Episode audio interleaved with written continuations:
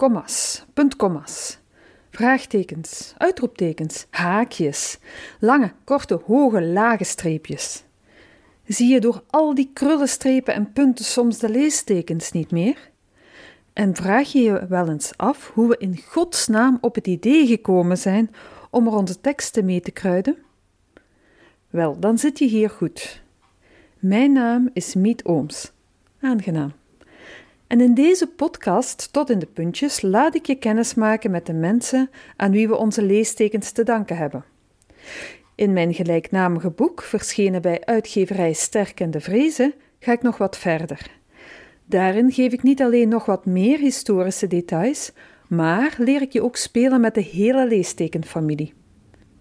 Ben je er klaar voor? Dan duiken we nu de geschiedenis in.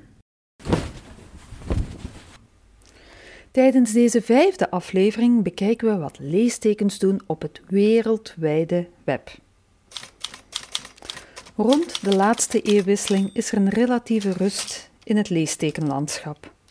De apostrof en het koppelteken hebben een hoofdstuk veroverd in de officiële spelling. Voor de andere leestekens zijn er conventies waar iedereen het ongeveer over eens is.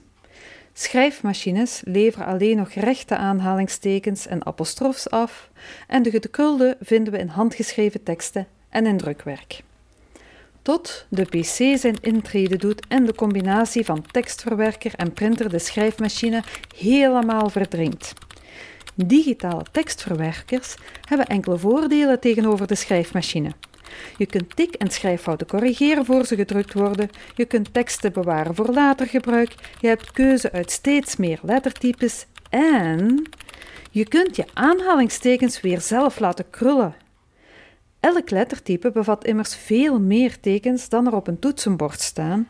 En je kunt ze maken door middel van een combinatiecode of door ze als symbool in te voegen. Alle mogelijke gekrulde opties van aanhalingstekens enkel en dubbel, boven en onder, zijn opgenomen in die lettertypes. Leven de vrijheid. En wat meer is, als je dat wilt, laat je de tekstverwerker dankzij een eenvoudig instellingje in de software die tekens automatisch de juiste kant op krullen, gedaan met mikken, schuiven en rollen.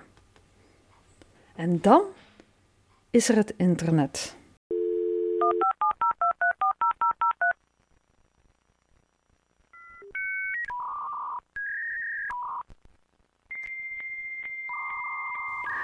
Dat heeft sommige leestekens onverwacht een tweede carrière gegeven. Om te beginnen in het mailadres, waarin het tot dan toe compleet onbekende apenstaartje een vaste plek heeft gekregen. In de URL's, dat zijn de internetadressen, hebben de tot dan vrij marginale dubbele punt en schuine streep zich intussen onmisbaar gemaakt. En het hekje waarmee we vroeger onze keuzes bij een automatisch telefoonmenu moesten afsluiten, heeft onder de hippe naam hashtag intussen een bloeiende carrière op sociale media. Maar niets heeft de leestekens zo'n digitale boost gegeven als de emoticon, het gezichtje dat je maakt door lees- en lettertekens te combineren. De emoticon is geboren in 1982 toen er aan de Carnegie Mellon University wat onrust was ontstaan, omdat er een tijdje een bericht circuleerde over een besmetting. Achteraf bleek dat een studentengrap en toen begon er een debat over hoe wenselijk dat soort humor is aan een universiteit. Daarop kreeg computerwetenschapper Scott Faman een idee.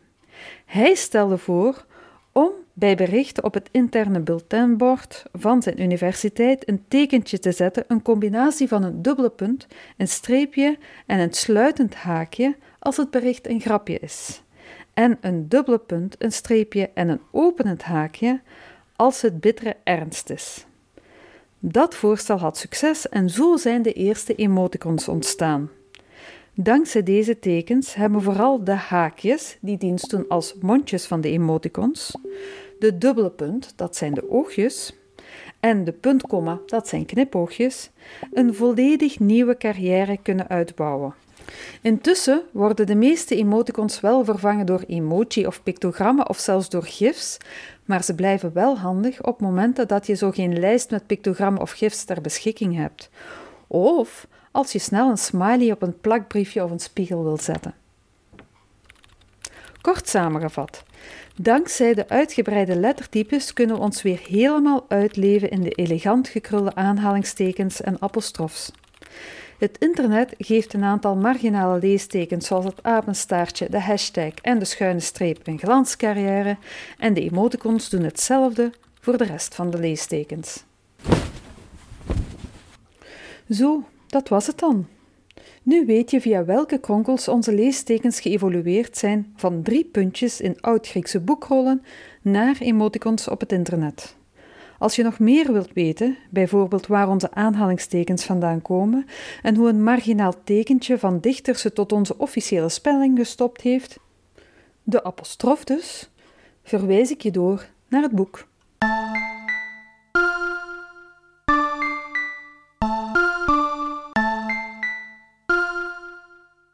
Je luisterde naar Tot in de Puntjes, een podcast van Miet Ooms over de geschiedenis van onze leestekens. Deze podcast is een smaakmaker voor en aanvulling bij het boek Tot in de Puntjes, Praktische Leestekengids, uitgegeven door Sterk en de Vrezen.